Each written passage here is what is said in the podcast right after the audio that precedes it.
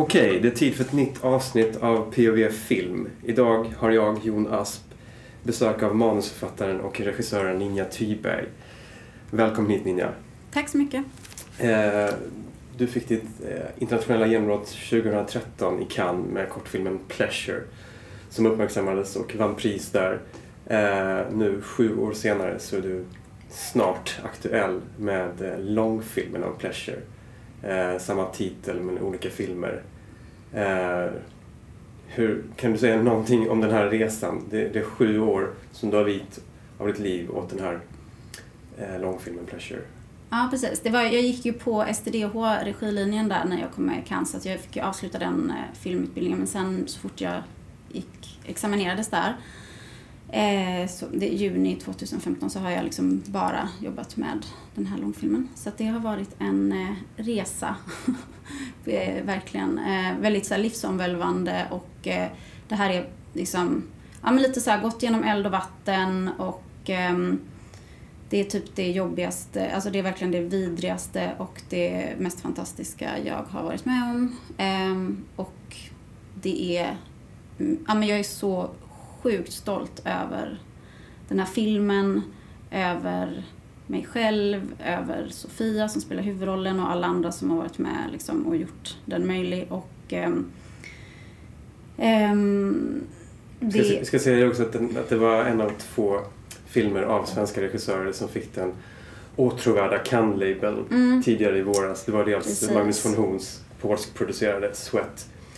och din film Pleasure som, Mm. som var av ett 50-tal som, eh, som eh, kom, in, med på, kom, som, kom med på som inte men som hade inte premiär i. Cannes. Precis. Ja, det var, det var väldigt så, liksom, vad ska man säga, eh, bitterljuvt är fel ord, men det var verkligen så liksom, både så, det, som tur var så fick vi ju veta innan att Cannes inte skulle bli av.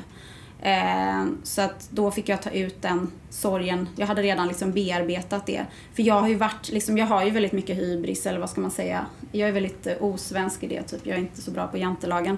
Så att jag har ju varit eh, hela tiden såhär, bara, den ska, med, den ska ha premiär i Cannes. Eh, och haft det som en liksom, morot som jag har jagat och liksom, visualiserat eller föreställt mig och, och liksom, drömt om. Det är ganska många som har det, men inte så, många som talar så Nej, uttalat om det som du Nej, har gjort under de här sju åren. precis. Nej men så att Varför är det så viktigt? Eh, nej men det är, ehm, det är väl flera anledningar. Dels är det ju för att Cannes är den liksom finaste, det är ju den fin, alltså det finns liksom, det kan man inte, så är det bara. Det, det finns bara en nummer ett liksom. Och det kan, alltså det slår ju typ på ett sätt högre än Oscar, alltså det beror på lite hur man mäter men, eller hur man ser det men, Ehm, så att, och Sen så var det ju liksom, jag var ju där med Pleasure kortfilmen och hade ju en helt liksom fantastisk erfarenhet av det. Men den absolut främsta anledningen har varit eh, just att jag vill att den här filmen om de här människorna ska liksom få plats i finrummet. Och så att just det där att jag hade sett det framför mig hur liksom mina då skådespelare som ju bara är eh, folk från porrbranschen, förutom Sofia Kappa som spelar huvudrollen. Eh, att de skulle liksom få komma dit och gå på röda mattan och sitta i så här intervjuer och liksom bli eh, respekterade som skådespelare och konstnärer och liksom ta in dem i det rummet och, och eh, liksom där de måste behandlas med värdighet. Eh, så att den kontrasten har liksom varit hela tiden en, eh, något som jag har eh, ja, men liksom sett ett sånt stort värde i. Ehm, Och sen är det också en festival som har en, en enorm genomslagskraft Ja. som jag antar har- liksom underlättat för dig mycket i, Ja, nej, produktionen av långfilmen också. Det är ju, och det är ju för att, jag menar den här filmen den är, är ju på engelska eh, och utspelar sig i USA. Så jag siktar ju på en liksom, internationell publik, verkligen. Eh, så att det, mm, ja, liksom, jag vill ju att den här filmen ska liksom, ja, sätta den på kartan internationellt och att det ska bli en film som folk känner till i filmvärlden. Eh, liksom internationellt och, och liksom, för att, just för att den är den första av sitt Alltså den, det har aldrig gjorts förut, liksom, en sån här film. Nej, vi kan väl berätta bara kort Mm. att, vad den handlar om för, för Mm. de som lyssnar och inte vet.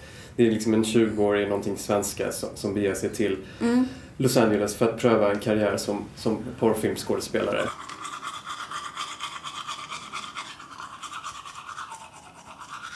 I knew you liked it. Don't give me that shit. Oh, hey, hey. You look like the uh, innocent girl next door. Do me a favor, grab a seat. There, we're all good to go. Oh, almost. Uh, All right. So, Brian over here, this uh, creepy semi middle aged man is going to be fucking your sweet. Uh, I'm being nice here. uh, your sweet 18 year old brand new vagina. So, as a first timer, you're going to gradually, we want to see you, like, you know, maybe looking like his dick's a little too big, a little too painful at the beginning, but it's still enjoyable. You don't need to look like it's hurting like crazy, but just, you know, act like it's, oh, and, and gradually go to just straight insanity. Uh, in fact, why don't you start getting ready, uh, Brian? If you need a minute. Bear, can you uh, Uh, can you get actually, the I'm put the fucking video there. games away? If you're ready to go, if everybody's ready to go, which I'm ready. this motherfucker looks like he's ready to go. Uh, Bear, do me a favor. Let's get her. Uh, let's get her her girly stuff. Alright, here we go. Got your little set box, all the goodies that you need here. Um, we have lube if you want silicone or water based, your choice, whichever you prefer. And um, have this for you. We have hand sanitizer for you. We have tissue. We have paper towel. We have uh, wipes. What is it? It's a douche. Yeah, it's to clean your um, clean your pussy out, so you know you're nice and fresh for me. You don't wash pussy in Sweden? Om man jämför det då med kortfilmen så var ju den en svensk inspelning som utspelade sig i, Mm. i Sverige på svenska och utifrån vad du hade läst dig till. Liksom. Det här är ju verkligen någonting helt annat. Liksom. Det är en amerikansk inspelning där du har liksom gjort research på plats under väldigt lång tid. Liksom.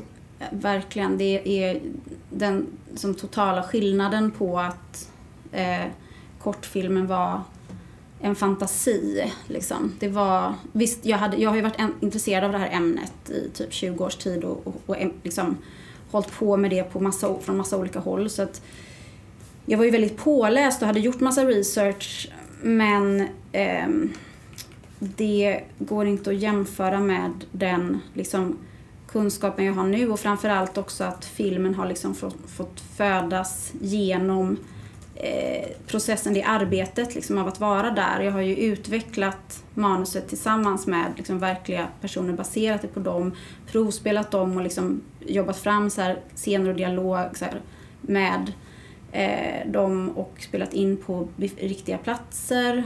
Um, och um, det är också, den handlar ju då om, liksom, för det är inte alls en dokumentär, vilket man kanske kan tro när jag liksom pratar så mycket om min research och mitt intresse för ämnet och så, men Ja, även Det- när man ser filmen så kan man få den känslan ibland eftersom det Ja. är väldigt autentiskt smutsigt versus liksom... Ja, men det är, samtidigt är det ju liksom verkligen också en, eh, vad ska man säga, väldigt klassisk film. Alltså det är en sån här becoming of age historia om, om en resa, liksom om en ung tjej som hamnar på en plats och genomgår massa liksom, ja men så här vänskap och svek och, och är med om en, eh, liksom att hon på något sätt blir, blir lite liksom vuxen eller eh, på något sätt. Eh, och, men, det, så det har ju, men det finns ju också någon parallell till att det har varit min resa, att jag, liksom, hon kommer in, filmen börjar med att hon dimper ner där på något sätt i porrbranschen och så lär hon sig om den och utvecklas också liksom, som person av det.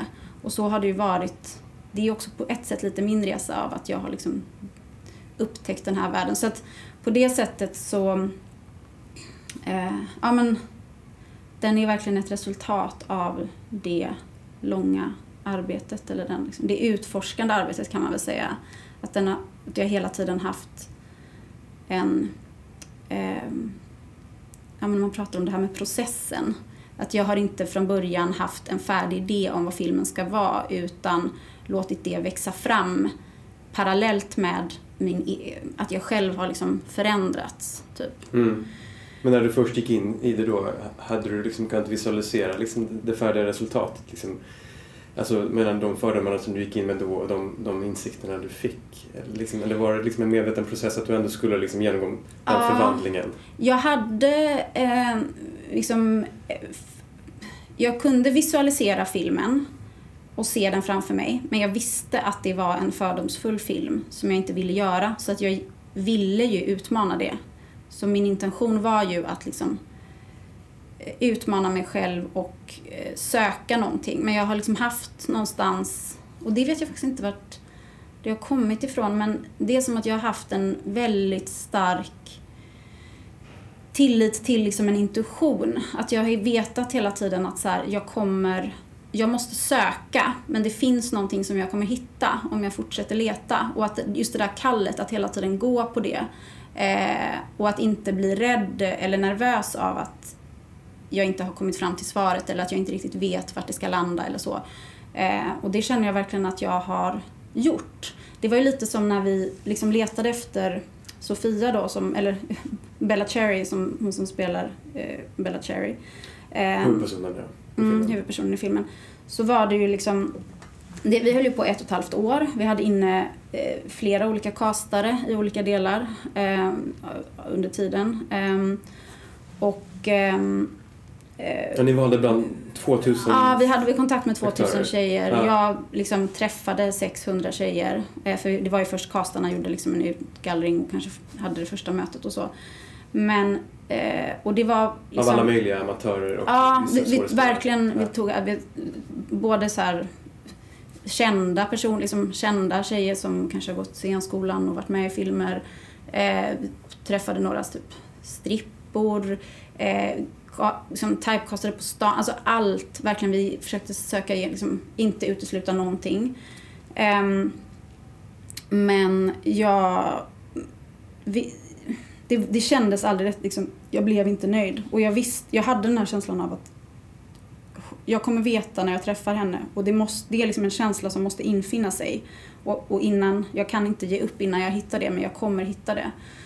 Och, eh, eller jag kommer hitta henne. Och att folk runt omkring mig liksom trodde att, ja men att det, var en så van, liksom att man har fått en fix idé om en fantasifigur som inte finns och att så här, jag kommer mm. aldrig kunna Typ, mm. för de, det, det, är orimligt att ingen av de här skulle duga mm. liksom. Eh, mm. Men och att det verkligen var så. När... En svår process att, att övertyga producenten. Alla runt omkring. Verkligen... Och det började ja. också så här, verkligen, alltså, vi hade ju redan fått ja från SFI. Alltså vi hade ju liksom kommit, det var inte så långt eh, alltså vi, hon fick rollen i januari 2018 och det var liksom bara precis efter det som vi drog till LA och började förproducera. Så att, eh, men, det, men Sofia Kappel då? Sofia alltså. Kappel, Och det är hennes första? Det är hennes första roll. Och, det, och det, det, var verkligen sådär när jag hittade henne att jag bara, här är hon. Och så var det precis den där känslan som jag hade gått och väntat på. Och eh, alla runt omkring har liksom varit så här. Först var de jättekritiska och eh, liksom trötta på mig. Och, eh, sen när jag väl hittade henne så var all, har alla varit så här, herregud att du hittade henne. Typ. Mm. Hon är ju fantastisk. Men vad var det du sökte då och vad var det du fann? Eh, jo, nej men det var... Dels är det ju något som jag kanske inte kan sätta ord på helt. Men det var ju många komponenter som, som behövdes. För det är ju en så otroligt liksom, utmanande roll. Så att dels var det ju någon som skulle ändå ha, se så pass ung ut. Som, hon är ju 19 i filmen. Så liksom passera som 19, eh, se ut som 19, eh, men var, ha en mognad på en nivå där liksom, att veta att vad det är man tackar ja till och liksom ändå kunna bära, och ta på sig det här enorma ansvaret och att jag inte ska känna liksom att jag drar någon i fördärvet eller liksom så. Eh, eller utsätter någon för något som den kommer ångra liksom. Ehm, och eh, sen så, eh, ja men väldigt liksom, en så här verkligen karismatisk personlighet. Att eh, det var väldigt viktigt för mig att hon skulle ha mycket humor och bra timing eh, och vara liksom väldigt så här charmig och, och rolig och härlig. Man skulle gilla henne direkt och få sympati med henne. Ehm, eh, och eh, samtidigt som man också måste kunna liksom tro på något sätt på att det här är en tjej som skulle kunna göra det här. Alltså det måste finnas någonting lite så liksom gränslöst och eh, att man får känslan att det här är inte en vanlig tjej. Det här är liksom att man känner att, för det är liksom, vem, vilken tjej gör det? Åker iväg som 19-åring och säger att jag ska bli porrstjärna. Det är liksom ett, det ska ganska mycket, liksom, det är mycket personlighet bakom det eh, valet som, man, som det var jätteviktigt att publiken skulle gå med på. Och sen eh, behövde hon ju vara liksom en jättebra skådis för att eh, hon är ju med varenda, alltså hon är ju med i varenda scen, hon bär varenda scen och dessutom spelar hon inte mot några riktiga skådespelare så att det är hon som också får bära spelet genom filmen. Liksom. Hon får ingen hjälp på det sättet, alltså det är inte så att hon som då liksom amatör som hon ju var från början eh, kan liksom backas upp eller få stöd av att hon har rutinerade skådespelare runt sig utan eh, ja. Och eh, så eh, och sen var det viktigt liksom att hon också hade eh, ja men att man inte skulle liksom alltså att det skulle finnas en styrka i henne eh, så att inte publiken ska liksom känna att man vill så här gå in och rädda henne eller liksom att det inte att det ändå någon som har eh, som man får på något sätt ändå känna sig lite trygg med som publik. Mm. Det, det som jag, som jag upplever som en eh, stor tillgång i filmen är att, eh, att eh, man inte riktigt vet varför hon ger sig in i den här branschen. Alltså det finns ju såklart motiv man kan spekulera i sådär men det finns ju inget, eh, filmen psykologiserar inte på det här sättet ger inte så mycket bakgrund. Eh, och att det också blir någonting som man men som blir en tillgång. Vad, vad tänker du själv om hennes, alltså huvudpersonens ingång i varför söker hon sig till den här branschen? Liksom det finns ju, det finns ju generellt kan man tala om ekonomiska skäl, man kan tala om att, man, att det är en nyfikenhet på en, på en värld som man vill utforska. Liksom. Det kan handla om ett uh, uppmärksamhetsbehov, liksom, att man har olika issues från tidigare. Mm. Liksom, vad, vad, vad, tänker du kring det? Eh, jag, tänk, jag kommer vara sådär, liksom, eh, vad säger man? Eh, nej men det vill inte jag liksom... Eh, där känner jag att jag ju verkligen vill att eh, filmen ska tala för sig självt och att eh, jag inte vill liksom stänga, eh, begränsa. Eh, eh, för det är ju också en anledning till att den inte ger några sådana tydliga svar. Det är att det är inte det filmen handlar om för mig och jag tycker att eh, jag hoppas att folk ska diskutera och tänka och fundera på det här själva. Så att, eh, det är inte heller så att jag sitter inne på att jag egentligen har så här, svaret men avstår från att säga det. Eh, det är klart att eh, det finns, man kan svara på den frågan på jättemånga olika sätt men ehm, Ja, ja, för jag tycker det är så kul nu, eh, för du, det är bara du och en till som faktiskt har fått se filmen av eh, journalister. Så att eh, jag tycker det är så himla spännande att prata med någon som har sett den. Så jag vill nästan bolla tillbaks frågan. Vad tänker du? Eller vad liksom så här, för jag har gjort så mycket intervjuer om filmen men det är ju ingen som har sett den. Så det är... Nej, jag tänker att, som jag sa tidigare, att, att, att det är en stor förtjänst med filmen, att, att det är så pass öppet och lite som man tänker din resa i det här också. Men du har ju pratat tidigare om att du i din ungdom eller tidigare under din uppväxt i Göteborg liksom har varit antiporrfilmsaktivist. Liksom. Mm. Och nu att du gör en, en film om den här industrin. Det, det är en väsentlig resa liksom. Och jag tänker mm. också, så som det antyds i filmen, vi ska inte spoila någonting här, men just att när, när de kommenterar det här liksom att, hon, att hon skämtar om att hon att hennes pappa förgrep sig på henne, att det är hennes ingång när, mm. när hennes vän, nya vän då i, i LA frågar om mm. varför hon befinner sig här. Men det är bara för att det är bara ett skämt liksom, för att avdrama, spela med den generella mm. bilden av varför man ger sig in i det här. Och jag tycker att det är ett ganska effektivt sätt att, eh, att avdramatisera det hela och försöka fokusera på det som, som är i filmen och inte mm. generellt fundera kring varför man ger sig in i en sån här mm. på, på, pappret förkastlig bransch. Mm. Men jag har också läst eh, i någon tidigare intervju där du uttalar liksom om att när du kommer in i det här när du välkomnas i det här sammanhanget på de här, under inspelningen för att göra research så så tänker du om dem som Pervon, liksom, kan göra mm. så sjuka grejer men att de väldigt att det blir liksom en perspektivförskjutning väldigt fort liksom, när de vänder på frågan. Mm. Där du blir Pervot istället mm. då, för att du representerar den vanliga de. De tycker ju att eh, folk är sjuka i huvudet. Alltså de tycker ju att folk är så perversa och liksom är så här herregud, liksom, vad är det för fel på er? Varför, varför vill ni ha den här typen av porr? Eh, men det är så här, ja, det är deras jobb och då gör de, eller så här, to, ja. Det, men, Att det är efterfrågan som styr och det är inte... Ja, det är efterfrågan som styr. Eh, och det är eh, men det, det är precis som du säger där, det, det var väldigt mycket sådana just aha-upplevelser eller perspektivförskjutningar där liksom insikter kring att vi har så olika syn på saker. Och eh, det går ju inte att säga, liksom, eller jag tycker inte att det är enkelt att säga vem som har rätt och fel i det. Vems fel är det? Eh, men, men det är i alla fall tydligt att vi här tycker ju att det är, dem, att det är deras fel. All right, Bella. So, remember what we spoke about? I'm gonna ask you some questions about yourself. I want you to be sexy for the viewer at home. Uh, the guys at home want to get to know you.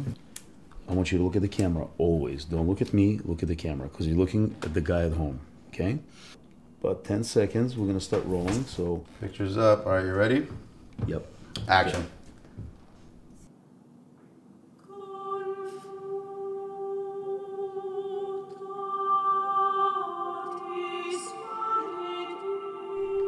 Hi there. Hej. Men ska jag också säga liksom att det här är liksom en skildring av mainstream-porren Ja. liksom, och att du i hög grad liksom också tillämpar liksom, de greppen som finns, alltså de patriarkala liksom, som, som, som styrs utifrån vad, vad män vill se och liksom, utifrån point of view. Sådär, Mm. liksom, liksom, kolla in i kameran liksom, så att man är med personen som befinner sig, som tittar på skärmen helt enkelt. Mm. Eh, men kan man inte tycka att det är lite, jag menar det är ändå mainstream porr och precis som mainstream film så är det alltid en efterfrågan Mm. som styr. Är inte det liksom lite naivt att gå in med den tanken liksom att, att det skulle vara de här sjuka människorna som, som, som förstör världen genom att utforska en massa sjuka grejer och inte att det är liksom folket och porrkonsumenterna som styr. Ja, precis som det är inom filmen Mm. menar jag. Jag menar om man tänker Hollywoodfilmen eller mainstreamfilmen generellt. Det är inte, det är inte den som, som är den som leder utvecklingen utan det är snarare det, det är liksom för att mätta en, en marknad. Ja. Liksom. Sen är det ju, sen är det ju väldigt, ehm, eh, vad ska man säga, det är lite kompl- eller det är ju också en väldigt speciell ehm, eh, situation, eller vad ska man kalla det? Att det är en så pass liten klick för porrbranschen i LA då, där, liksom, där jag har varit, det är ju eh, det är de som gör liksom 90% av all den porren som alla på hela jorden tittar på. Så mycket, Eh, okej. Så det är verkligen liksom en liten plats på Ja. jorden där, där de också, den makten, om man tänker, och det, nu speciellt nu Det är när- ännu mer maktkoncentrerat då än, än eh, Hollywoodfilmen. Alltså, det är verkligen, och för att eh, nu har ju porrbranschen krympt jättemycket eh, på grund av liksom, eh, fil, ja, att det är väldigt svårt för dem att få in pengar för det är, ingen som, det är väldigt få som betalar för porr när det finns så mycket gratisporr. Ehm, så det är en väldigt liten klick. Ehm, det är liksom några stora aktörer, men det är så här, alla känner varandra. Det är liksom en, eh, och de styr, de liksom producerar ett material som eh, påverkar ju hela jordens befolkning på ett sätt som jag tror inte man kan jämföra det med någonting annat. För att just liksom eh, mängden pornografi som konsumeras, eh, att pornografin liksom är, har patent på eh, sexuell så den upplevelsen som man har när man tittar på porr får man ju inte någon annan gång och det präglar ju liksom Alltså det är väldigt många som liksom tittar på porr dagligen och att det är en jättestor del, jättemånga som inte kan liksom eh, runka utan att kolla på porr. Och att så deras hjärna är liksom helt wired eh, kring de här bilderna. Så att den här lilla klicken har så mycket inflytande över så stor del av Mm. liksom, mänsklighetens hjärnor. Man tänker liksom Eh. att digitaliseringen och globaliseringen skulle kunna göra liksom att, att det spred sig mer och att människor eh, konsumerade porr från alla möjliga delar av världen. Men det har snarare blivit ännu mer koncentrerat då, hävdar du? Ja, det skulle jag säga. Ja. Ehm, jag, jag är lite för dålig på att Ja, men- men typ veta siffrorna, men- historien, hur det har varit tidigare. Så egentligen, men, men, men det är i alla fall så det ser ut idag. Mm. Varför tror du att det är så lite, jag menar med tanke på att den här branschen då har så extremt eh, stor betydelse och att den ändå är så föga skildrad liksom, i populärkulturen. Men det är ju för att den är, att det är så mycket, råder så mycket tabu kring den. Mm. Och att det är, eh, vi vill inte erkänna eh, att porren finns. Ehm, och vi vill liksom, eh, det är ju också de här människorna, det är ju samma som liksom idén om horan på något sätt. Att eh, de får bära våran egen skam för våra egna perversioner eller liksom våran sexuella natur som vi kanske inte vill eh, Alltså det är något som vi vill kan, håll, kanske hålla ifrån oss på något sätt. Och då är, då är det de här människorna som får bli liksom som får bära den skammen åt oss och då vill vi liksom att de ska befinna sig inne i, i diket i skuggan och inte vara ute i ljuset och vi vill inte att de ska bli liksom människor som man eh, respekterar. Det är så jag, jag, Mm. jag tror eh, alltså för det är just för att det finns ett sånt otroligt behov av att eh, smuts, alltså att eh, förakta dem. Mm. Eh, och ehm, nej men just det bara eh, det som blir det här med att de, den här lilla klicken människor producerar det här materialet som når ut till hela världen. Men det blir ju också förstärkande. Eh, för, så det finns ju en sån liksom eh, förstärkande effekt, eller vad ska man säga, kalla det, av att det som ehm, eh, om någonting introduceras i porren så börjar folk, så är det det som dyker upp och då börjar man tända på det och så börjar man vilja ha det. Mm. Alltså lite så Mm. ser det ut också. Så Så- det är inte bara efterfrågan, alltså det går liksom fram, Nej, det är verkligen en växelverkan Mm.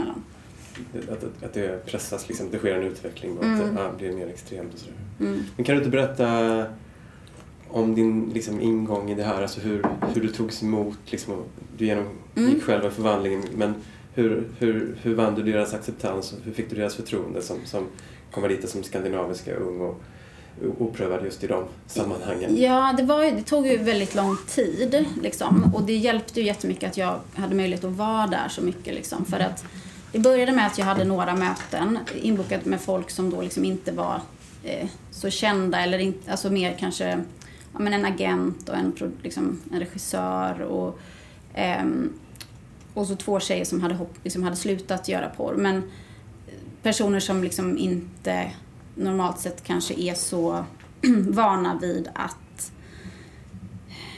eh, bli intervjuade eller att folk vill veta något om dem så att de inte hade samma... Liksom, att de kanske tyckte ja, att det var lite kul att så här, oj, det är någon som vill intervjua mig. Så här. Ehm, och sen via de mötena så försökte jag verkligen vara, uttrycka eh, så liksom genuint jag kunde verkligen få dem att förstå att så här, jag vill verkligen förstå. Jag är här för att jag vet att jag har jättemycket fördomar. Och jag, jag ska göra den här filmen men det är jätteviktigt för mig att den här filmen inte ska bygga på fördomar. Eh, och jag vill göra det här rättvisa. Så att, och så var det liksom, eh, det var ju också fem, nej vad var det, det var 2014, ja det var sex år sedan så jag var ju, ja men jag var precis 30 då, men jag var ju liksom ändå fortfarande liksom upplevdes som en ganska ung tjej. Och, eh, så jag var inte så hotfull i det. Tror jag liksom. Men jag tänker att allting spelar ändå en roll. Man tänker på ännu mer på vad man bär för kläder och hur man ser ut. Ja, nej men verkligen. fram. Så det var, jag var ju väldigt här, strategisk kring hur jag klädde mig och sminkade mig och liksom, det var ju me- mest män som jag träffade i början. Så där eh, liksom, spelade jag ju också det kortet att typ vara så här, ändå typ försöka göra mig attraktiv och vara lite så här flörtig och imponerad av dem. Det var liksom det som jag märkt som har varit så det absolut bästa sättet att öppna, liksom ny- nyckeln till att öppna olika rum, det är liksom att vara imponerad av eh, männen. Bekräfta dem. Ja, och vara så här, wow, oj. Så typ den, när jag fick vara med på liksom den mest, vad ska man säga, eh, den inspelningen som är, mm, som var liksom längst ut på skalan av det jag har sett eh, som inte kändes liksom eh, okej, eller vad man ska säga. Alltså det grövsta liksom, och det, det tog ju väldigt lång tid att få komma till, liksom, för att an- man kan ju säga att i de flesta sammanhang där jag har blivit insläppt så är det ju i sammanhang där man inte känner att man har något att dölja. Mm. Men sammanhang, det finns ju massa, det finns ju såklart folk som gör saker som de inte vill att jag ska se. Eh, och då släpps jag inte in. Men där släpptes jag ändå in till slut och då var det för att jag, då fick jag liksom köra på att så här. Åh gud, det, ja, men du gör sån där typ jättehård och grov porr. Typ, gud vad spännande. Typ, jag har alltid undrat hur det är. Så här, Oj, hur gör du det? Och typ eh, så här.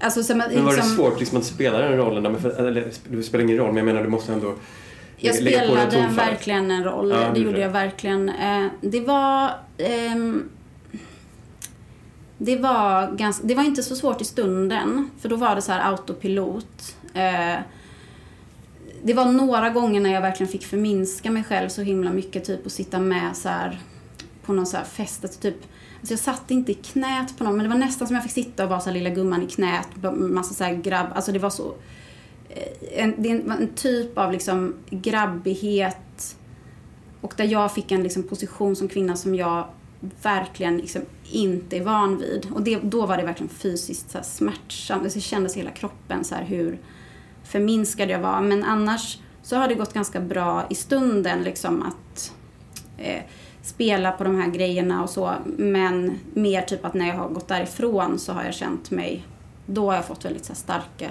ja, mycket ångest och Mm. liksom, eller så här, så här obehagskänslor och så. Ehm, och det var väldigt speciellt när jag var där första halvåret. Eh, liksom, eller under 2016 så var jag där och gjorde liksom min, den längsta liksom, researchperioden. Eh, och då var jag där själv. Och det var så speciellt att liksom inte ha någon att prata med och inte kunna liksom ventilera de här grejerna med någon. Ehm, men sen allt eftersom så har jag ju fått eh, lära känna folk som jag liksom verkligen blivit vän med Ja. och eh, också kunnat börja öppna upp mer och mer kring ehm, mina intentioner. Alltså så att liksom mindre och mindre falsk och mer och mer ärlig. Eh, så det har ju varit väldigt skönt. Liksom. För från början så var jag ju rädd för att då trodde jag att så här, jag får inte, absolut inte avslöja att jag är feminist. För det är lite det man är van här i Sverige, att det är som att feminismen står ehm, i motsättning till, eh, eller att det är så här, eh, men, men, eh, men det var inte alls eh, liksom Ett ett, problem. problem. Ehm, så. Men är inte det också en, en förutsättning att man, att man går in, när man går in i den här världen under så lång tid, att man också odlar vissa sympatier eller vänskapsförhållanden för att kunna, för att kunna liksom, ja, men uthärda, uthärda allt det som det innebär. Jag menar, att göra en långfilm i, i vanliga fall eh, kan ju innebära väldigt många år, särskilt när det är en film som bygger på research. Och jag tänker att det är ännu mer så när man går in i, en, i den här typen av värld som, som man inte är bekant med sedan tidigare. Mm. Att man, samtidigt som man först liksom avskräcks, att man ändå måste utveckla någon form av förståelse och vänskap i det där. Ja, men det var, det var ju verkligen min intention. För att det är vissa som har varit så här att jag har fått lite kritik eller folk som har eh, sagt att så här, ah, men nu blir du inte för liksom nästan så här, vad ska man säga, Stockholmssyndromet. eh, Mm. Men ehm, det är ju det jag har velat på sätt och vis. Alltså jag har velat liksom få hamna på ett ställe där jag verkligen förstår. Eh, där jag verkligen kan sympatisera och verkligen förstår. För det är min inställning till eh, alltså min människosyn. Att typ eh, människor, liksom att man inte gör människor till monster utan att det handlar om att man ska kunna förstå människor. Och, eh, och jag, det, jag har ju inte velat... Eh, det här är inte en film som ska berätta om hur hemsk porrbranschen är. Det är liksom inte det som jag... Det finns massa sådana dokumentärer och det finns... Folk, jag tänker att väldigt många vet redan eh, det, eller har redan en sån förståelse. Sen är det inte heller alls en film som skönmålar porrbranschen, utan jag har försökt ge liksom en... eh, Eh, visa en liten, liksom, vad ska man säga, ett axplock av där, liksom, olika saker som representerar olika delar.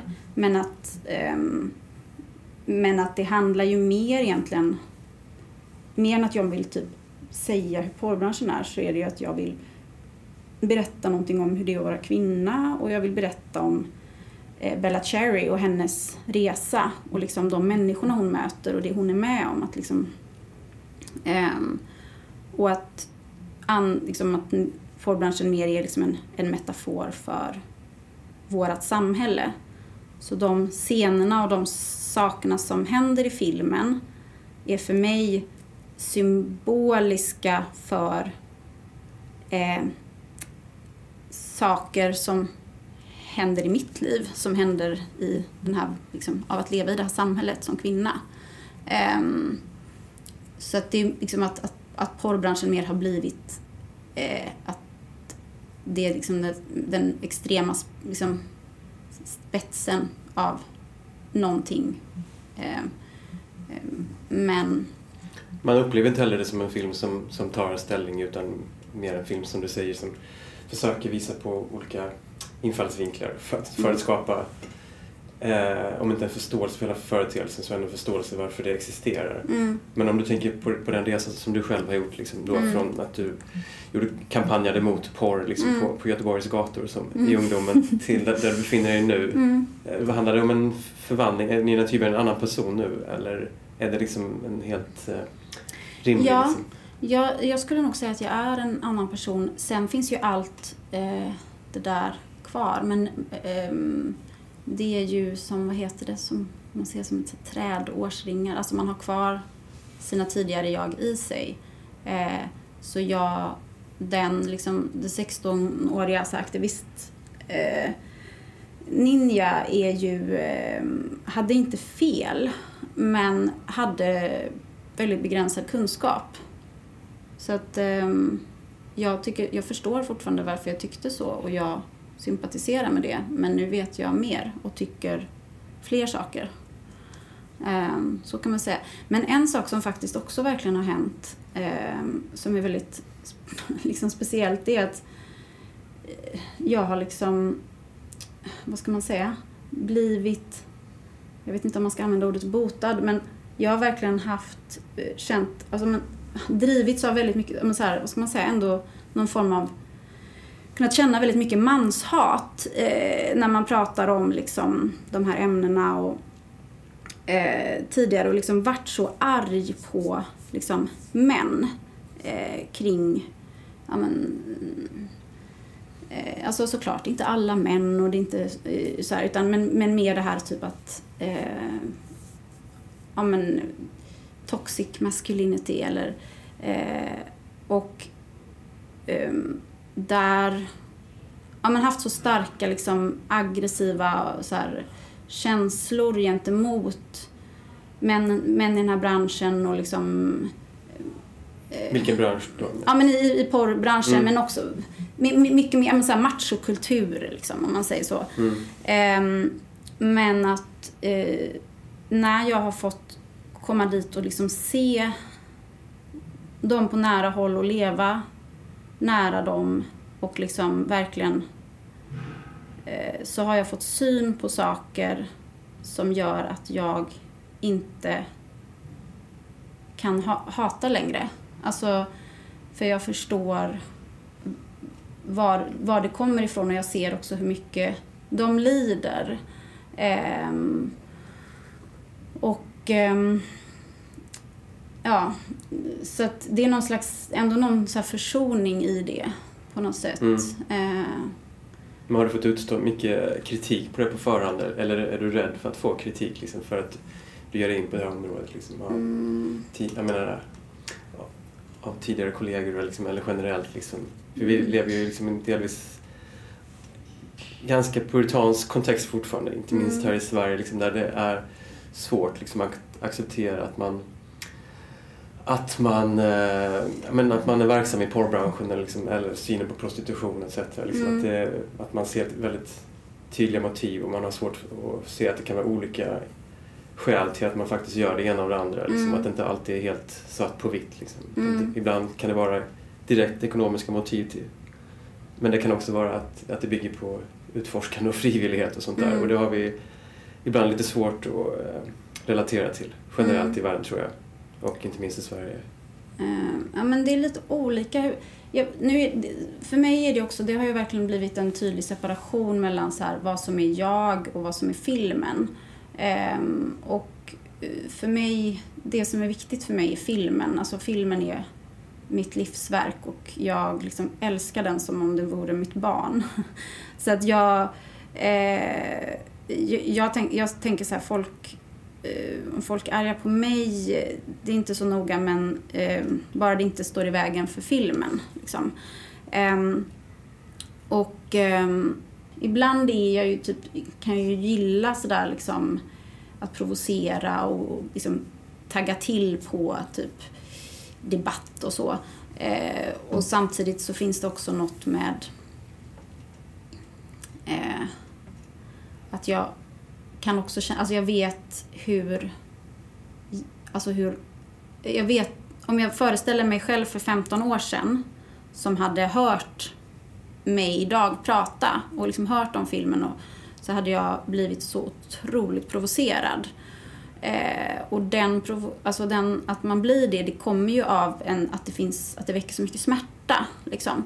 Och det tycker jag framförallt när man pratar om det här ämnet som ju, eh, alltså nu i, liksom, i och med att vi lever i så här post-metoo-eran, eller metoo-eran liksom, så ska, liksom just när man pratar om det här ämnet så är det viktigt också att ha med att eh, när folk blir arga eller upprörda, det finns så mycket, det finns så mycket smärta. Liksom. Så att man inte heller bara... Eh, att man är liksom ödmjuk inför det och att det, det är inte... Liksom, en sida av mig kan så här, tycka att det är så kul att få sätta dit någon typ som inte tycker som jag, eller sådär. Men samtidigt så typ, det är inte kul att någon är upprörd och liksom arg. För det beror på att den i grunden har, känner att den har varit utsatt för en kränkning. Eh, ja, så... Men jag, jag vet inte om den kommer... Alltså alla, alla har sagt det under hela tiden så här, ah, men det här kommer bli så mycket uppståndelse och provocera och det kommer väcka så mycket debatt och bla bla. Jag vet inte om det kommer göra det. Alltså, jag, vet inte, jag ser inte riktigt vilka det skulle vara. För att jag tycker inte att den... Men jag kanske är naiv. Jag vet inte, vad, tycker, vad tror du? Kände du dig provocerad? eh, nej, jag är så otroligt liberal så jag blir ah, aldrig okay. provocerad. Nej, jag skojar. eh, nej, jag tycker att det finns, att den där den ansatsen som du pratar om, att, att skapa en nyanserad bild av det här. Att det framgår, det är i alla fall en av effekterna som blir när jag ser filmen. Det finns ju till exempel eh, eh, jag menar, man måste ju säga att det är på många sätt en väldigt mörk film men i allt det här mörka så är det också väldigt mänskligt på många sätt. Liksom. Och det, det är liksom en fin linje mellan det här. Det finns ju scener som är extremt jobbiga att kolla på. Det kan liksom, till exempel vara med två killar som utför någonting eh, väldigt grabb, i en väldigt grabbig jargong mm. mot, mot en tjej då, huvudpersonen. Eh, som verkligen är obehaglig. Inte så mycket för vad de rent kroppsligt utför utan mer jargongen, sättet som de, de här rollerna går in i då. Medan en annan scen med två andra killar som, som ska genomföra en double anal på, på huvudpersonen. Eh, vilket kroppsligt känns väldigt jobbigt att, att se på. Samtidigt så, så är de också väldigt medvetna om det i den scenen så att det, liksom, det, det framkallas liksom en ömhet mm. i den här scenen då vilket gör att den ändå blir mycket mer uthärdlig att se på. Eh, så jag tycker det finns en balans mellan det här råa och att det ändå uppstår liksom små stunder av eh, ja, ömhet, är kanske starkt, men ändå åt det hållet. Mm. Liksom. Eh, och det tycker jag också blir en, en tillgång mm. i filmen. Och jag antar att det är medvetet. Ja, nej, men verkligen. Och det, det är ju... Eh, ja, men, jag antar att det är väl så att det här ämnet kan trigga mycket. Så att, um, för vissa... Folk kommer nog uppleva väldigt olika saker. Jag tycker jag menar det finns ju absolut eh, mörka partier i filmen liksom, absolut. Ehm, det har den ju. Eh, det men... beror, beror på vilka erfarenheter man har själv. Har man, ah. liksom, har man liksom bott i USA, jag menar oavsett om man har varit i, om man känner till porrbranschen eller inte, Så har man bott i USA och levt liksom med där i olika miljöer så kanske det upplevs mindre så. Mm. Men det är, det är ju en, på många sätt en extrem eh, miljö då. Mm. Liksom där människor, liksom, precis som vi gör i Sverige idag också, alltså, dras till uppmärksamheten Mm. och att vi går väldigt långt för att exponera oss Mm. själva. Liksom. Eh, så det är ju inget, kanske inget helt nytt så, men, men man kan ändå uppleva det som att det är eh, ganska mörkt generellt. Mm. Nej, men, hur, hur långt och- folk är beredda att gå menar jag. Ja, men precis. Och där, där, tror jag att, där tror jag väl också att filmen kommer vara, ge möjligheten att läsa in... Eller det, det har varit tydligt när vi har haft, så här test, vi har haft väldigt mycket testvisningar. Och att folk kan dra så otroligt skilda liksom, slutsatser av eh, också vad de, hur de, vad de uppfattar att intentionen med en scen har varit. Eh, där vissa är liksom eh, kan tycka att någon scen är så här, oh, gud, och det är så hemskt hur du visar, det är så fruktansvärt med hennes utsatthet här. Och, och hur man bara så här, och hur man ser hur hon liksom, för då, då identifierar de, får de jättestark så här, identifikation kring så här, kvinnlig utsattheten. Och så väljer man att liksom fokusera på det medan någon annan ser det och ser, eh, plockar upp liksom humorn, eh, att det som är, det, att hon, vad hon tycker är roligt med det, vad som är det fina med det. Eh, och liksom tycker att det är en jättepositiv och härlig scen som berättar om att huvudkaraktären är med om någonting bra. Alltså att den har mörker, eh, den har det hemska och det finns där. Eh, liksom, och det är en verklighet. Men just att det är så himla fina människor och att de ändå är eh, liksom att det finns en så här styrka och en, en ömhet och en liksom och framförallt huvudkaraktären då, att hon ändå har ett sånt driv eller vad man ska säga, eller att hon ändå är... Men det tycker jag Ja. man upplever också i att man läser in någonstans, i, alltså när man ser filmen i, i biosalongen. Mm. Att, att det har liksom, alltså inte för att man tror att det är dokumentärt eller sådär, men att eh, för att nå fram till resultatet och veta en del av bakgrunden så är det uppenbart liksom att, att det har utvecklat, utveck, utvecklats någon slags eh, samförståelse eller, eller vänskap liksom, me- mellan folket bakom kameran och folket Mm. fr- framför kameran. Liksom, och, och som du säger, mörker absolut, men det finns ju också såklart en humor i det här, bara man tänker på de här kontrasterna liksom, mellan av och på just Mm. inför en inspelning. Can you hold up your ID, please? Okay, can you hold up the newspaper to show today's date? Okay, and what is your date of birth? Uh, 27th of April, 1999. Do you know what you're here for? Yes. Do you know how much you're getting paid? Yes. How much are you getting paid? $900. Are you under the influence of any drugs or alcohol? No. Do you know that you can stop the shoot at any time you deem fit? Yes. Okay, and are you prepared to show your test and see the talents test? Yes. Are you have any no's, do's, or don'ts? No. Okay, uh, we'll need for you to start filling out this paperwork, please. This is your 2257, your consent for sexual. Okay.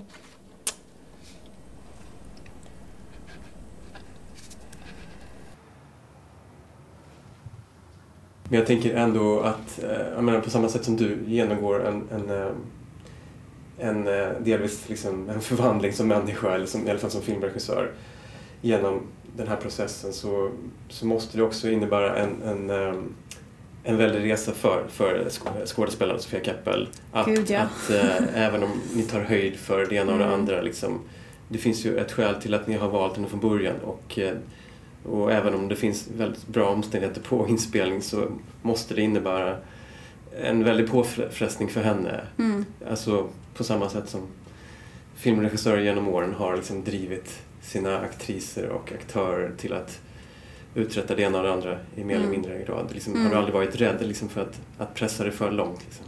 Jo, alltså hela tiden. Det, det har ju varit med hela tiden eh, som en ehm, eh, något att ehm, Alltså en riskfaktor. Ehm, så därför har det varit jätteviktigt att vi har liksom pratat hela tiden och alltså haft väldigt mycket så här samtal om allting och att också ha folk runt omkring i produktionen eh, som är liksom mm, ja, en ständigt pågående så här, dialog kring just eh, eh, alla sådana etiska aspekter av det.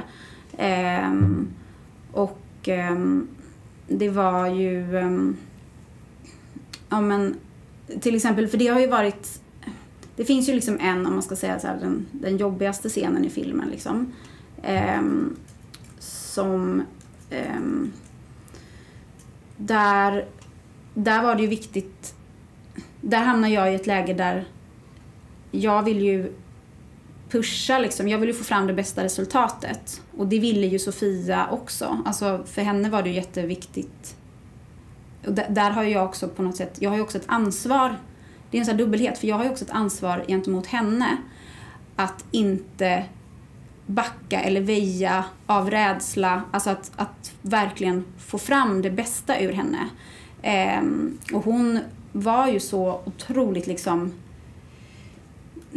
de här scenerna var så viktiga för henne. Hon, hon var liksom så taggad på dem. Ehm, och ehm, liksom, men, men samtidigt så blir det, så att där har jag liksom, både gentemot henne mot, liksom, och mot filmen, att få fram det, liksom, det bästa resultatet, pusha henne så långt som möjligt. Men samtidigt också eh, då ta ansvar för att inte pusha för långt eller att inte gå över gränsen. Och där kände jag i det läget att så här, jag kan inte sitta på de två stolarna samtidigt. Jag, liksom, ska jag göra det ena så kommer det gå ut över det andra.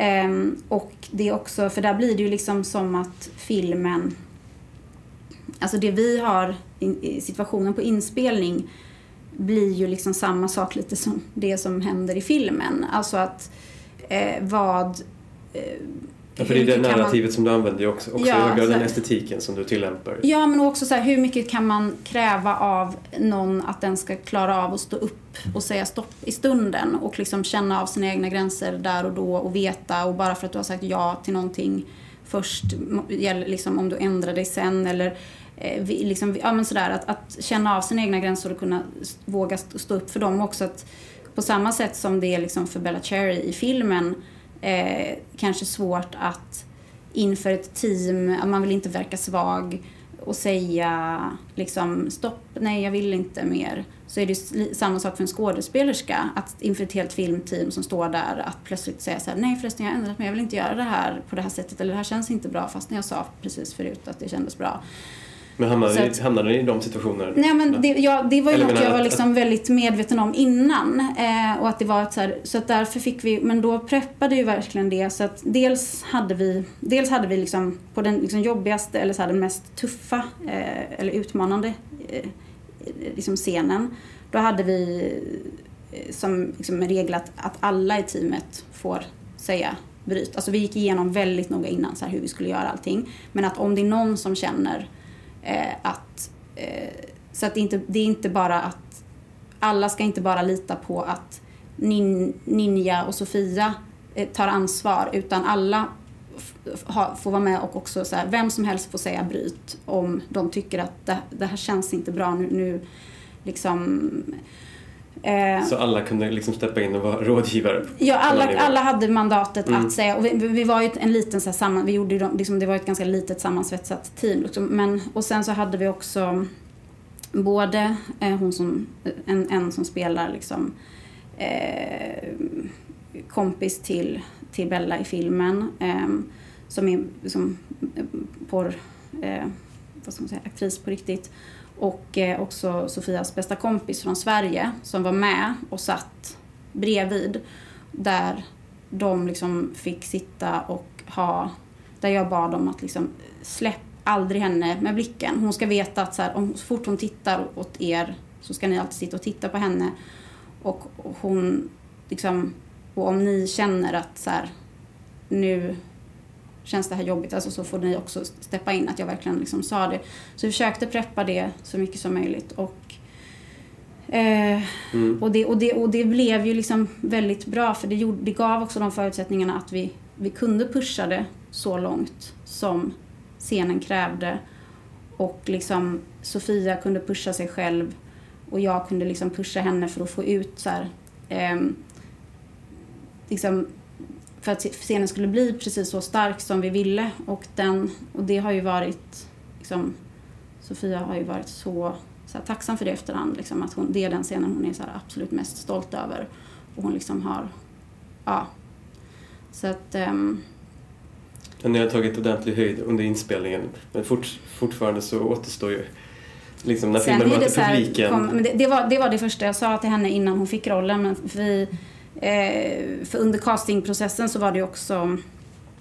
Ehm, eh, jag var ju tvungen att liksom också lära känna henne lite innan jag kunde erbjuda henne rollen för att förstå. Så att, ganska tidigt när jag liksom insåg att jag var väldigt intresserad av henne så eh, liksom, eh, hade, så vi liksom sågs på middag och satt och pratade jättemycket och så. Och det första jag sa då var att så här, eh, sexscenerna, även, alltså det är ju, allting är på låtsas. Det är ju inget riktigt sex eh, i filmen och så. Men det är ju liksom, det är ju sexscener som, som ser verkliga ut. Men det Eh, simulerar de. Ja, det är simulerat. Mm. Men de kommer hamna på Pornhub liksom, Mm. eh, direkt. Och det kommer sitta massa olika eh, gubbar och kanske några gummor, vem vet. Eh, men förmodligen mest eh, gubbar eh, kommer sitta och liksom runka till de scenerna runt om i världen. Mm. Och för, all, för resten av hennes liv. Alltså hon kommer aldrig kunna... Hon kommer finnas liksom, naken på YouPorn. Mm, men det var hon Eh, införstådd med? Ja, det var, det var verkligen så här viktigt. Och det var så här, det här, det här måste du prata med din familj om. Att det är väldigt liksom... Eh, eh, så att... Liksom att hon... Men... ehm, så... ehm, men det är klart att... ehm, det... Det är ju, så- är det ju för, för alla oss, att man vet ju Det inget. finns inga garantier. Man vet ju inte hur- vad det, hur- det kommer påverka en att liksom ehm, få den uppmärksamheten som filmen kommer ge. Ehm, och ehm, så, liksom, jag har ju fått, jag har ju skaffat hemligt nummer och så nu för att det har börjat ringa olika folk och runka i telefon och sånt där redan. Så att, eh, om, om, liksom, man, alltså, Sofia har ju fått, alltså hon får ju så mycket dickpics eh, hela tiden. Alltså det är liksom ingen hejd på. Det har ju börjat, alltså det började ju redan så fort vi började spela in den. Och kommunicerar. Ja, nej men liksom, ja. precis. Så att det, ehm, ehm, Det är en del av det. det är en del av det. Mm. Ehm, men nu är det ju ändå, nu är hon ju... Men är, liksom, är du rädd för att det kommer bli en större del liksom, än, än själva filmen i sig? Eh, Eh, hur menar du större del? Nej, jag tänker att, att ehm, ja, det är såklart väldigt svårt att förhålla sig till. Det, det är vad det är. Liksom. Mm, Men man, man vill ju framförallt liksom att folk ska se filmen eh, i sin helhet, liksom, Mm. som man alltid vill. Liksom. mm, Jag menar, nu råkar det gälla porr, då liksom, så kan det ju ofta vara att folk dömer det ena och det andra bara för att de har läst något fragment ur det Mm. liksom, eller sett någon sekvens Mm. ur det och sådär. Och får man inte helheten här så är ju risken att man inte får eh, Eh, förståelse för företeelsen. Ja, nej, men så är det väl. Men jag tänker att... alltså... Eh, jag tror ju att den här filmen kommer... Eh, liksom, den kommer inte gå upp som en fluga och sen glömmas bort. För den är så pass unik i sitt slag. Så att jag tror att man kommer komma ihåg... Den kommer liksom finnas kvar i folks medvetande. Och jag tror att om typ tio år så kommer man se på den här filmen på ett helt annat sätt. Det har redan liksom hänt väldigt mycket sedan jag började och, och liksom debatten och folks syn har förändrats väldigt mycket bara under de åren jag har hållit på.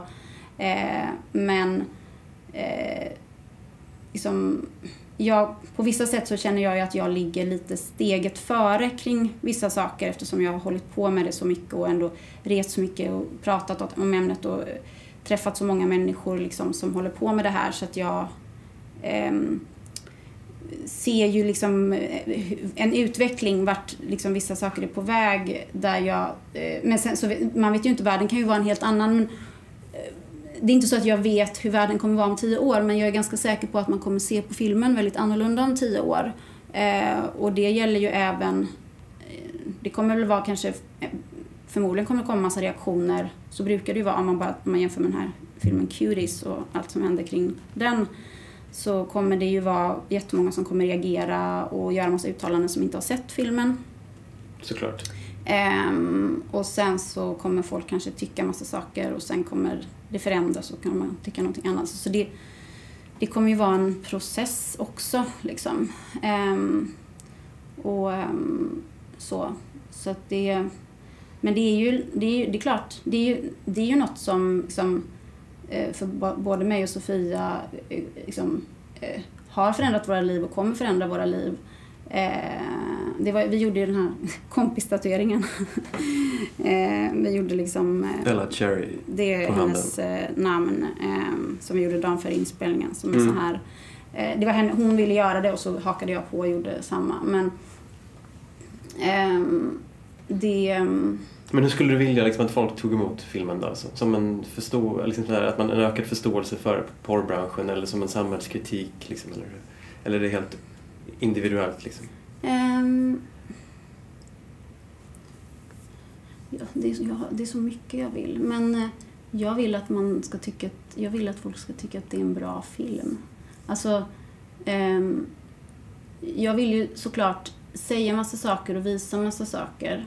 Där kanske det absolut viktigaste, nu låter det lite så här hippie, men någonstans så är det ändå så här eh, medmänsklighet eller liksom att eh, identifiera sig, alltså att, att få ökad Tolerans? ja, tolerans för, för, olik- för att människor är olika och att liksom eh, det vet jag bara från testvisningar. Alltså att det är så många eh, killar som, av de som har sett det som har sagt så här eh, Fan, jag kommer inte... Du har förstört min porrkonsumtion. Jag kommer aldrig kunna se på porr på samma sätt igen. Ehm, och att så, så det har varit även för mig. Alltså jag... ehm, liksom... Då blir det ändå ett avskräckande syfte. Vad sa du? Då, då blir ändå på något sätt avskräckande. Ja, men det är inte avskräckande riktigt, men om man tänker så här, eh, till exempel... Alltså Själv- för nu, nu är det så här, självrannsakande. ja, som om jag går ut på Pornhub eller någon av de stora, alltså om jag öppnar bara första sidan där, eh, så ser jag direkt typ tre personer som jag känner. Jag känner de här personerna nu, liksom. Och eh, det går inte att titta på porr på samma sätt eh, när de är människor. Alltså när man när de har blivit eh, människor som man identifierar sig med. Det, det, mycket av mainstreamporren bygger liksom på en slags avhumanisering eh, och en extrem så här, objektifiering och stereotyp, jättestereotypa eh, roller. Så det hoppas jag ju på. Sen så är det ju också, jag är ju också, eh, det här, filmen är inte bara liksom en aktivistisk politisk handling för att eh, förändra världen utan eh, jag är ju också liksom, väldigt intresserad av att utveckla filmmediet. Så för mig är filmen på lika många sätt en ehm, att jag vill öppna lite ny, ny mark för hur man kan göra film och vad man kan visa och hur man kan berätta och hur man kan ta i vissa ämnen. Så där är jag ju verkligen, eh, hoppas jag ju att filmen som liksom på filmiska grunder också Ja. ska ha ett inflytande och eh, liksom kunna förändra en debatt och liksom så. Eh, så att den är verkligen inte bara en ett liksom, vad ska man säga, aktivistiskt redskap för en porrdebatt utan en, eh, en, en berättelse. Liksom, jag är ju jätteintresserad av film, eller liksom, jag älskar ju film och eh, det har varit hela tiden så viktigt för mig att den här filmen ska vara liksom filmiskt Och det har du också redan fått ett Tilltalande. kvitto på till viss del liksom, kan man ju säga Mm. genom att bli uttagen till Cannes. Och helt nyss också blev det känt att, att filmen kommer få sin riktiga världspremiär i, i Sundance. Mm. Vilket är ganska kul med tanke på att Pressure har visats där och att det Ja. har en viss historia med, med den amerikanska festivalen. Verkligen. Det är, så, det är ju, på grund av coronaläget så har liksom får den en möjlighet som typ in, ja, men jag vet inte om någon annan film eh, ja, annars så får, så får ju aldrig filmer visas på båda de, eller får, får inte tas med i båda festivalerna liksom. Ehm, så det är jättestort och jättekul också för att det är ju det är för den amerikanska marknaden, för att den utspelar sig där. Mm. Ehm, så, men, och, så det är jätte, jätteroligt. Och dessa, alltså verkligen, eh, jag uppskattar dessa. Jag är så stolt och eh, glad över att de har kommit med på de här festivalerna. Eh, samtidigt så är det som är absolut viktigast för mig är faktiskt den breda publiken. Eh, att typ folk som kanske inte är så här... Men jag strävar ju efter att hitta ett sätt att berätta på som är ändå lättillgängligt eller gripande eller liksom inte är snobbigt. Ehm, jag älskar ju liksom populärkultur och jag vill, typ när jag står och väljer vilken film jag ska gå på så liksom vill jag aldrig gå på typ den svåra intellektuella franska filmen eller typ den viktiga dokumentären utan jag vill gå på typ en popcornfilm som är så här medryckande och med så här bra musik. Absolut störst eh, ära i är ju om den faktiskt tas emot liksom brett. Om, det, om, jag, om jag lyckas nå ut till folk utanför den här, liksom, vad ska man säga, lite smala eh, så, typ Mm. kulturelitkretsen. Mm. Eh, Men du har alltså världspremiär i Sundance i januari och eh, beroende på pandemiläget. Men förhoppningen är svensk eh, premiär i vår eller? ja, precis. Ja. Och eh, jag bara tänkte innan vi avslutar. Vet du liksom hur du kommer gå vidare efter det här eller kommer det i hög grad bero på, på mottagandet av den här filmen? Nej men jag, jag har redan eh, börjat, påbörjat eh, både liksom arbetet med min nästa långfilm i väldigt tidigt skede och sen har jag lite andra projekt också. Jag har en tv-serie eh, och en dokumentär. Eh, så att jag har redan lite så här grejer i pipelinen som jag har börjat med och ehm, min min dröm, eller vad ska man säga, målsättning är ju att kunna ha en... Ehm, att vara verksam både i Sverige och eh, USA. Så att kunna liksom...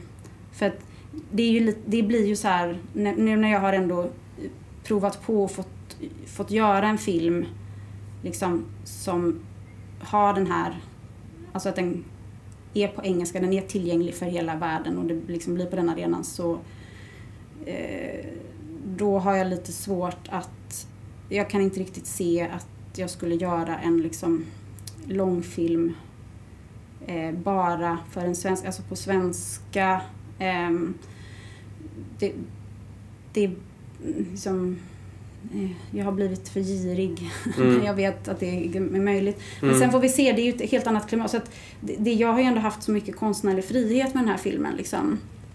Ja. Eh, för det, det, det är ju verkligen eh, otrolig lyx liksom, att få göra film i Sverige på det, utifrån det att eh, eh, att det är mycket statligt subventionerat och eh, att man värdesätter liksom, regissörens konstnärliga vision och så.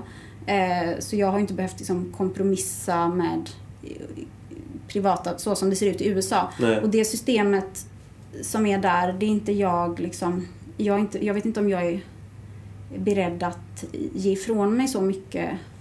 Eh, Ja, och jag vet inte ens om jag skulle klara det, liksom, att spela det spelet. Så där, där är frågan liksom hur, hur jag ska kunna fortsätta ändå jobba med konstnärlig frihet men kanske delvis i USA om hitta något sätt att sam...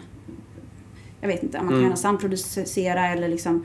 Det har ju varit så himla tacksamt med den här filmen, vilket inte alls var någon plan från början utan det var med något jag liksom insåg senare men att, att eh, jag har kunnat, att det är verkligen en svensk film för att den har så himla mycket, liksom, det är en svensk huvudkaraktär och det finns så mycket så svenska ändå det svenska är så närvarande men den utspelar sig där och alla pratar engelska och det är liksom eh, men så har jag kunnat göra den för liksom svenska pengar eller europeiska pengar men så spela in den där det är inte annars kanske liksom, det är för att de omständigheterna på något sätt har, i projektet har krävt det men Ja, så det får vi se. Men så Mm. jag, jag vill inte, jag drömmer om Hollywood men jag är inte heller så att jag vill lämna Sverige. Jag älskar också Sverige och jag älskar också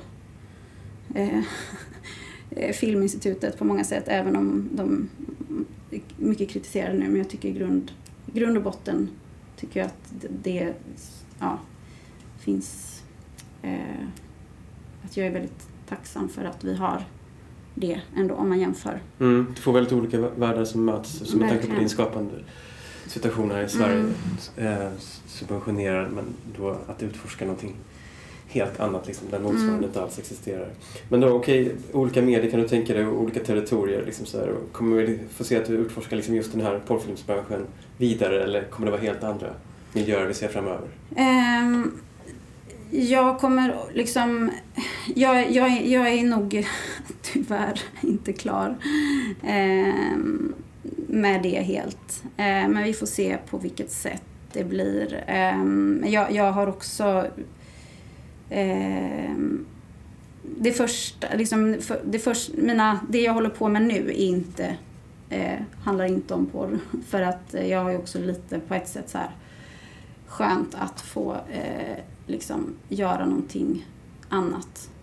Ehm, men sen så finns det ju, i grunden är det ju ändå så här, det är ju min tematik, det är ju mina frågor liksom som, ehm, det har liksom, det gamla 90-talsordet könsroller som jag vill liksom ta tillbaka in i debatten. Jag tycker att debatten har hamnat lite snett eller tagit en konstig detour. Eh, så att jag vill åter eh, reclaima det ordet och försöka pusha för, att, eh, för det.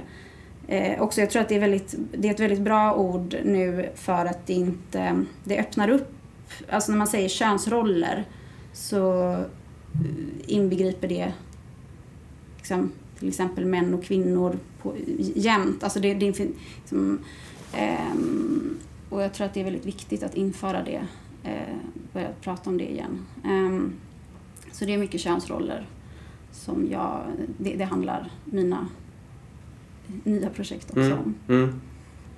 Vi ser fram emot de projekten också och framförallt ser fram emot att Pleasure långfilmen får premiär i vår. Mm. Jag tackar dig Nina Thyberg för att du kom hit. Ja, jättekul att komma hit. Tack.